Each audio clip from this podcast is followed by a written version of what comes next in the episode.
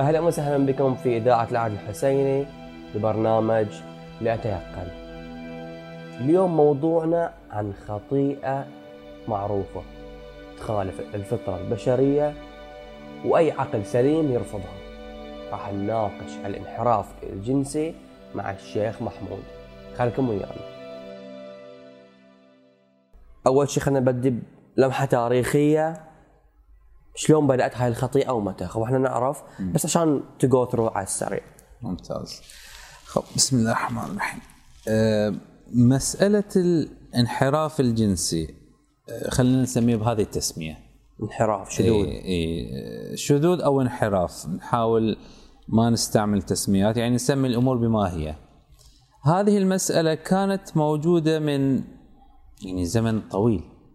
طويل جدا. يعني كما تذكر بعض النصوص التاريخية عند الإغريق عند الرومان يعني قبل ولادة النبي عيسى عليه السلام كانت هالأمور موجودة. لكن كانت موجودة بشكل مستهجن.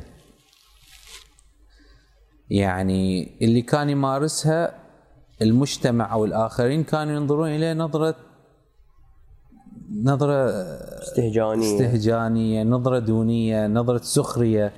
أن أنت تقوم بهذا العمل الدوني. فحتى إذا كانت هناك مجموعة معينة اتفقت على عمل هذا الأمر تشوف بقية المجتمع أو بقية المجموعات الموجودة هناك أيضا تستهجن مثل هذا التصرف. فهذا العمل كان موجود منذ قديم الزمان في كثير من الحضارات لكن كلها كانت متفقة على أن هذا العمل خاطئ أو مستهجن بشكل عام. بعدين ظهرت الديانات الإبراهيمية اليهودية والمسيحية والإسلام. وبعدين يعني وضحت موقفها أن هذا التصرف يعتبر من الخط الخطايا المميتة تميت الشخص وتميت المجتمع.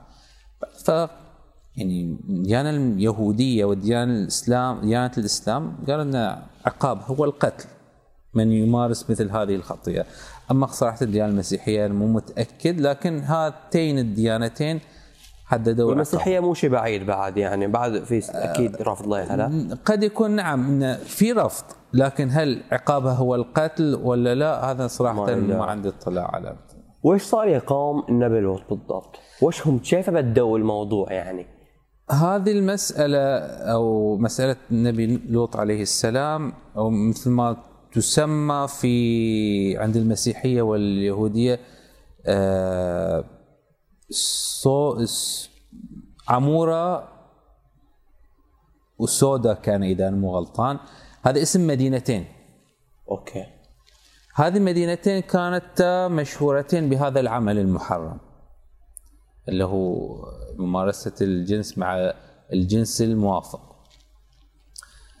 عندنا إحنا في ديانة في الدين الإسلامي أن النبي لوط عليه السلام كان موجود في إحدى هاتين المدينتين. إحنا في الديانة الإسلامية مو ذاكرين اسم المدينة بالضبط أو قد ما يكون في بالي لكن على العموم النبي لوط عليه السلام كان موجود في تلك المدينة وهؤلاء كانوا معروفين استعمال أو يقومون بهذه الممارسات الخاطئة.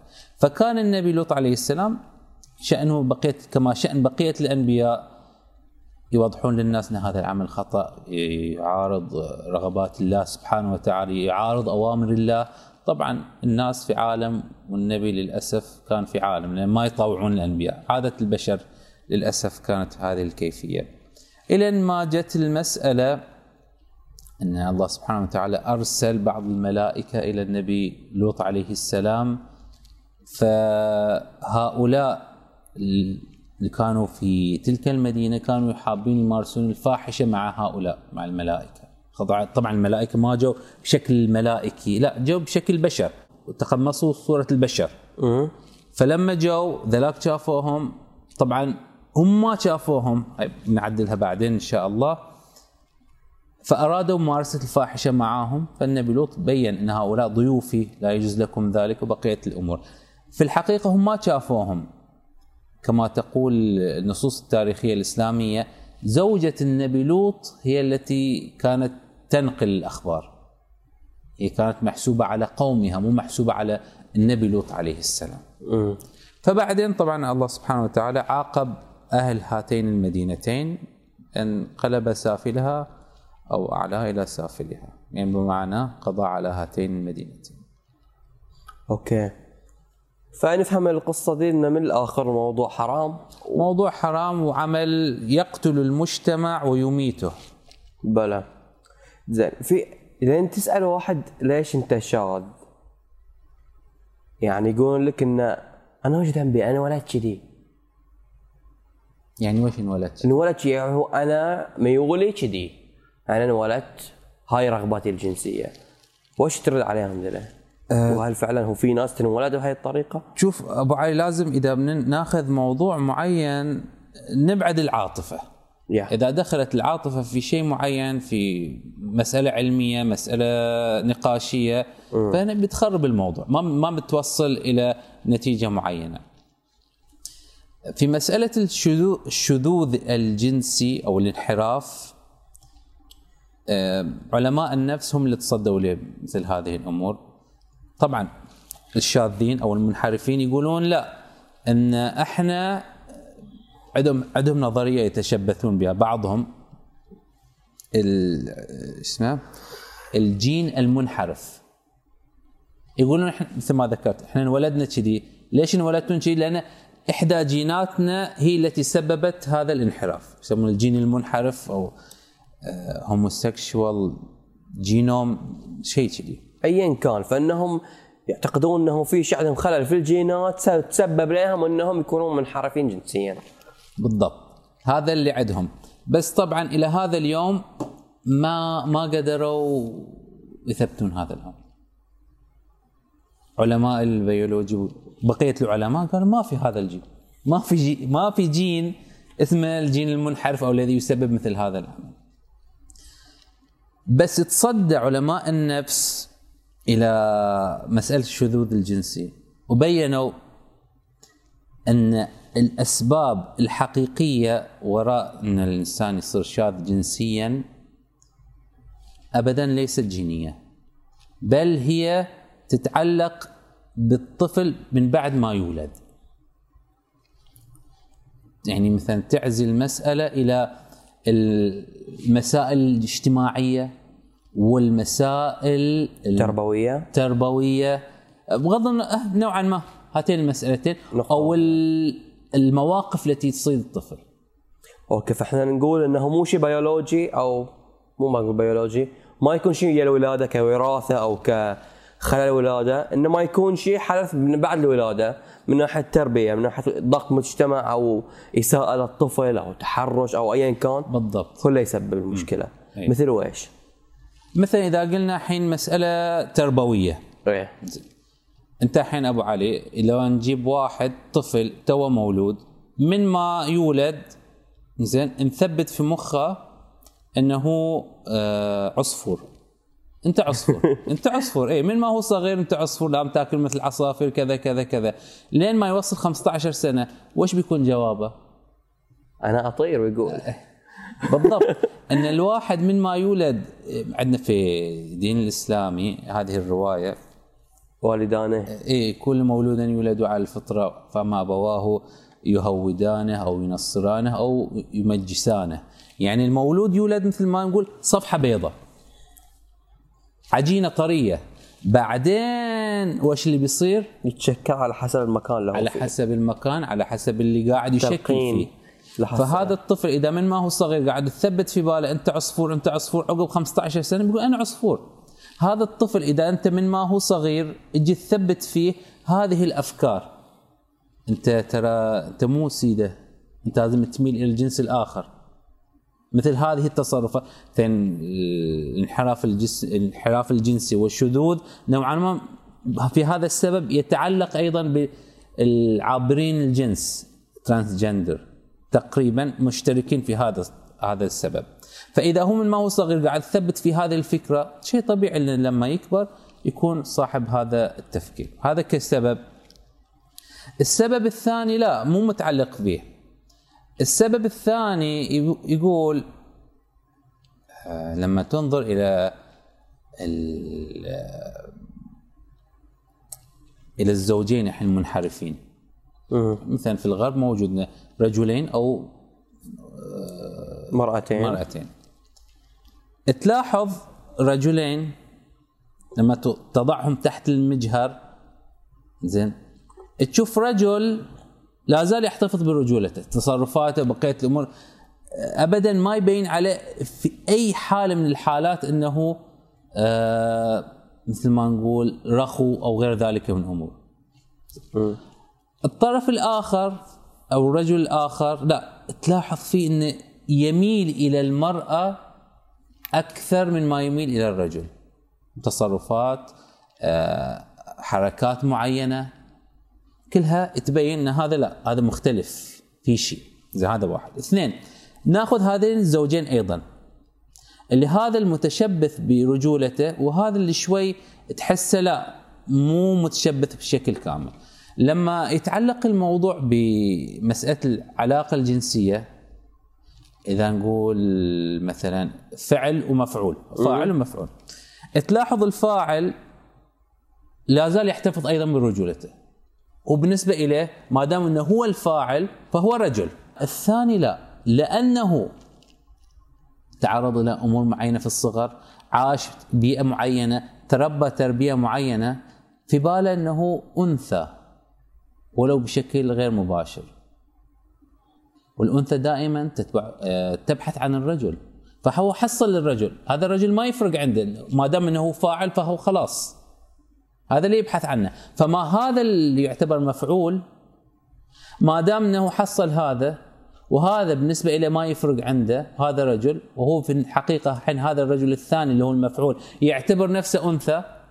فإذا صار هو المفعول في العلاقة الجنسية يعتقد الحين هو حقق اللي ينبيه انه هو يصير كمراه ما لكن في الحقيقة في الواقع أيضا يحتفظ برجولته لكن في العلاقة الجنسية يكون كمراه.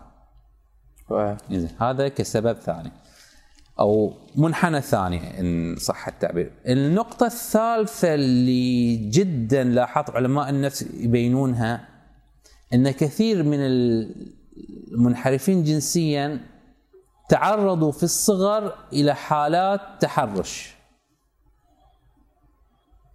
حالات تحرش، يعني مثلا هذا ولد خمس ست سنوات تحرشوا فيه. مم. عقب التحرش بعضهم يتعافى وينضم إلى المجتمع بشكل طبيعي بعضهم لا ما يتعافى يصير له عقدة نفسية يجي له هذا السؤال أنا رجل أو مراه إذا كان هذا صبي الحين. بس ما يكون بشكل مباشر التساؤل له شلون؟ يعني يكون عنده شكوك بس ما يلحد يسأل روحه صدق أنا رجل أو مراه يستحي يخاف. آه، بس يكون عنده شكوك في نفسه يعني. ودائما هالشكوك ما يبينها حق أحد. يعني مثلا لو هو بينها إلى أبوه أو أمه أو إلى الدكتور أو كذا قد يتم في عملية المعالجة. بس ما دام يخفي هذه الشكوك وقاعدة تزيد تزيد تزيد فهو نوعا ما يوصل لقناعة معينة. ما دام إنهم تحرشوا فيني ما دام آه تمت عملية الاغتصاب مثلا فهو يعتبر روحه مرأة. بس لا لا لاحظ إنه مو هاي اللي يصير. اللي يصير إنه يشك إي نعم نعم. يمر بمراحل. إيه. إي نعم مثل ما ذكرت أبو علي ما ما يوصل لهذه القناعة مباشرة.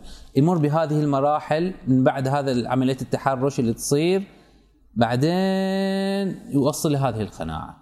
أما مباشرة يعني طفل مثلا خمس عشر سنين مستحيل يوصل لهذه القناعة مباشرة. يحتاج يمر بهذه المراحل. طبعا ما أقول تحرش قد يكون اغتصاب قد يكون تحرش جنسي قد قد يكون اللي هو أحد دكاترة النفس بينوا انه قد يكون حتى آه، ملامسة الأعضاء من قبل الطرفين يعني مثلا واحد وصديقة يلمسون أعضاء الآخرين.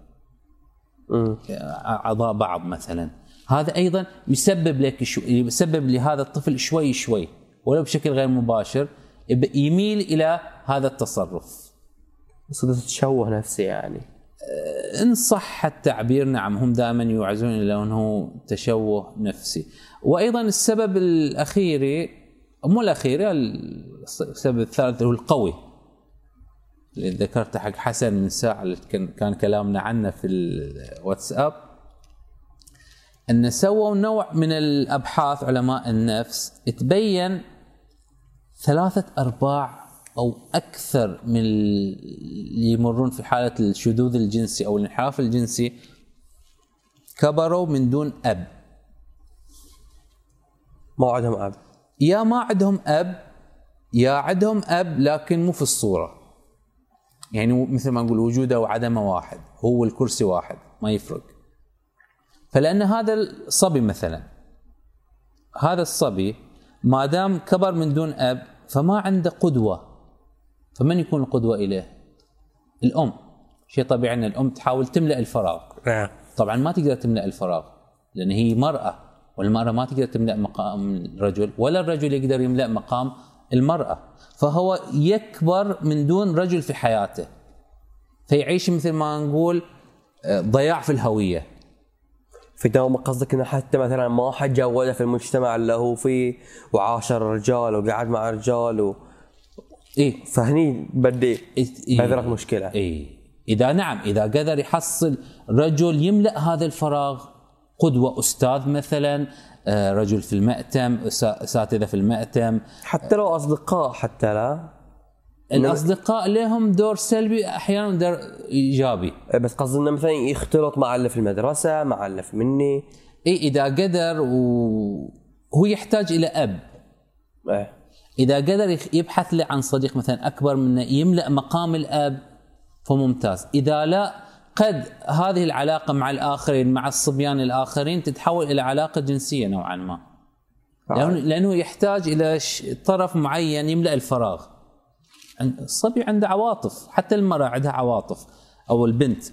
فما دام هذا الصبي ما بحث ما حصل أحد يملأ هذا المقام فقد يكون هذا الشخص هذا الشاب الثاني أو الصبي الثاني قد يدخل في هذا ال- مثل ما نقول يدخل في المعادلة لكن مو كأب كطرف يشعر اتجاهه بالمشاعر. أوكي. هذا ما قد يؤدي أيضا إلى الشذوذ. الجنسي. طبعا هذا ال- هذا هذا الكلام يوجه للصبيان وللبنات. مساله التحرش الجنسي للبنات قد تسبب إن هذه البنت تعتقد إنها هي رجل. لذلك مثل ما هذه العادة انتشرت في بعض المدارس بويات. آه هي قديم الشباب. تشوفها تلبس ثياب الرجل تتصرف تصرفات الرجل. ومثلا قصة شعرها. كامل تشوفها كأنها رجل لكن بالحقيقة هي مرأة. عندها مسألة آه، نفسية. نفسية. إيه. أوكي. آه، في شغلة في تضخيم إعلامي على الموضوع. يعني حتى في حتى في أمريكا نسبة الشذوذ جدا قليلة. لكن يظل انه في الأفلام في المسلسلات في الإعلام حاطين إضاءة على الموضوع بشكل مو طبيعي. كأن لحد عندهم هدف من الموضوع. أنا بعرف وش الهدف من ذا الموضوع؟ حق يسوون كذي. المسألة خب آه، فيك عدة نظريات. آه، ما في ما في جواب واضح ما لا. في جواب واضح للأسف. فما أدري إذا تسمح لي أبو علي أطرح النظريات بشكل مختصر يعني. اي اي اي أكيد. هاي بنسمع بنشوف الأفكار الموجودة عن هالموضوع. أولها طبعا نظريه المؤامرة. ما له داعي نفصل فيها. هذا واضحة للجميع نوعا ما. إن. في جهات تقتل أو تدمر المجتمعات الأخرى وكذا وغير ذلك من الأمور. في نظرية ثانية تقول آه، فيها تفصيل شوي وأنا أعتقد هي شبه صحيحة. رأيي الشخص قد أكون مخطئ في النهاية. هي تقول كالتالي لازم نعدل القعده أوه. آه، ومثل ما ذكرت عدد الشواذ جنسيا في الغرب مو بتلك الكثرة حتى يتم تضخيمه يتم في كل لحظة يبينونهم في إنهم يمثلون المجتمع وغير ذلك من أمور. فليش قاعد يصير مثل هذا الأمر؟ السبب ما فيه إن الغرب بشكل عام يتكون من تيارين يمين ويسار. نوعا ما في لمحة سياسية بس ما على الحين مشهلية مشهلية. الموضوع أبو علي. آه يمين ويسار. محافظ وليبرالي شوي. متح يعني مثل نقول تقليدي وم- ومتحرر. خب اليمين والمحافظ والتقليدي وغير ذلك من الأمور يرفضون مسألة ال- الشواذ ومسألة الانحراف الجنسي وغير ذلك من الأمور. الطرف الثاني اللي هو الحر والليبرالي وغير ذلك من الأمور لا يقول خلهم اللي يسوون يسوونه عندهم خلينا نقول يتفقون على هذه القاعدة ان نتقبل مثل هذه الأمور عادي وكلهم طبيعيين والحياة حلوة. زين.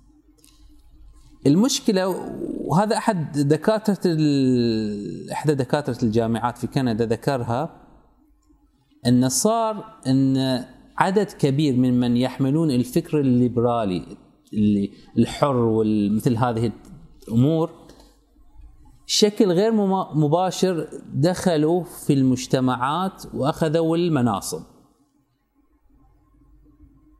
فمثلا عندك إحنا في الجامعات في الغرب مسألة النسوية.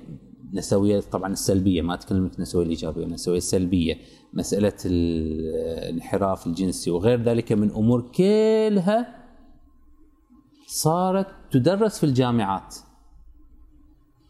مسألة المثليه قد ما تدرس بشكل مباشر لكن صارت يدافع عنها في الجامعات.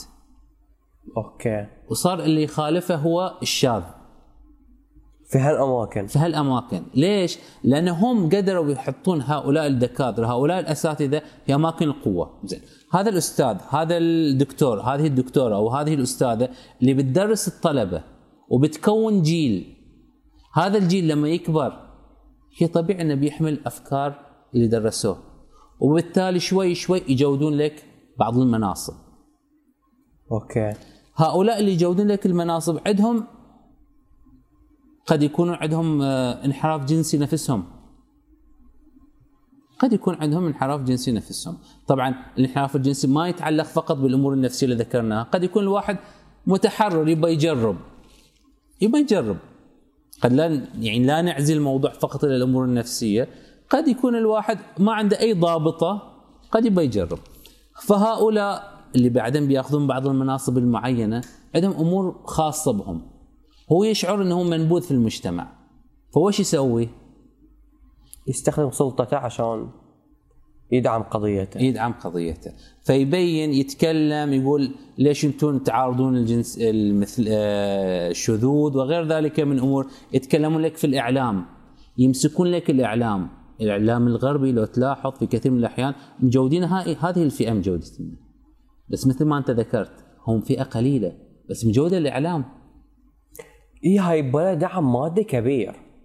الدعم بيزات بيزات تضخ يعني ف ليش كل هالحماسة في الموضوع؟ إنهم يبثون الموضوع ما يعني بس كموضوع أنت قصدك إنهم أخذوه حتى كموضوع شخصي. أخذوه من منحنى شخصي. منحنى شخصي ها هم اللي اخذوا منحنى شخصي. وقدروا يكبرونه في الإعلام. فقاعة إعلامية لا أكثر. اللي يكتبون في الجرائد يكتبون في الموضوعات. وهذا انعكس على الشركات. يعني مثلا الحين آه، شركات ال... الشركات بشكل عام الحين إحنا شهر يونيو. بلى. أتوقع هذا هو شهر الشذوذ الجنسي في في الغرب بشكل عام صح ولا لا؟ ما ما أدري. كان شهر إيه يونيو هذا هو. إيه المهم فإذا بتلاحظ شعاراتهم الحين كلها حاطين العلم مالهم. في أوروبا وفي الغرب بشكل عام. مع أن إحنا قلنا وش؟ نسبتهم قليلة. شيخنا بدايه الحلقة قلت لي إن ما نسميهم المثليين أو المثلية الجنسية نسميهم بالشواذ. ليش؟ آه، لأن مسألة التسميات لها دور في تق... في تقبل المجتمع. يعني الحين لما أجي لك أجي لك كمثال أبو علي. بقول لك بدل ما تقول قتل تقول إلغاء. تصير أبسط لك تصير أبسط. والمجتمع يتقبلها أكثر. إنما لما تقول قتل تحس شيء ثقيل له معنى قوي في قلب الإنسان. لكن لما تقول إلغاء ديليت تحس كان حبة على الكمبيوتر تضربه وينتهى الموضوع. فلما تقرأ خبر إنه تم إلغاء عدد معين من الأشخاص ما تحس بذاك الوقع في قلبك. لكن لما تقرأ تم قتل عشرة أشخاص. آه تقول لحظة وش صاير؟ فهم يستعملون تقريبا نفس العملية. لما تجي وتلطف الكلمة وتخرجها من معناها الحقيقي يجي المستمع ويتقبلها أكثر من المعنى السابق. فكانت انحراف أو شذوذ. بعدين تحولت إلى مثلية والحين إلى آه، كما وصلني آه، أبو علي ذيك المرة قال لنا مسألة مجتمع ميم. فهذا كله يخلي الطرف الآخر يتقبل يستغلون التسمية عشان يخلون المجتمع يتقبل الموضوع أكثر. صحيح. أوكي. شيخنا صار حدث في السفارة قبل فترة أكيد سمعت به. نعم. إنهم رفعوا علم المثلية. وفوق ده حاليا قاعدين يسوون دورات للمراهقين بين عمر 13 ل 17 سنة. ملي قاعد يسوون دورات هم نفسهم. وإيش رأيك في الموضوع؟ خب كرأي يعني أمر واضح أن هذا العمل يخالف ديننا بداية. والتقاليد والأعراف هذا كأمر تابع إلى الدين أو إلى المجتمع البحريني أن هذا يخالفه. فهذا التصرف بشكل عام إذا وقع في هذا البلد يخالف الدين ويخالف أعراف وتقاليد المجتمع. فهذا أمر والجماعة والحمد لله على السوشيال ميديا وعلى وسائل التواصل بشكل عام ما قصروا. تكلموا وبينوا بعضهم حتى أرسل رسائل مباشرة إليهم. هذا التصرف اللي صار مو مناسب. إذا مناسب في ديرتكم بس هني يعني مثل ما نقول آه، آه، يا غريب كن أديب. اي يعني البلد ما ما ينبون هالسالفة لا تسويها. أما مسألة البرنامج اللي سووه هم ظاهرا سووه كان يمكن قد يكون في أمور أخرى بعد قبلها. هم لعبوا على وتر أن هذا المراهق أو سن المراهقه بشكل عام هي سن حساسة.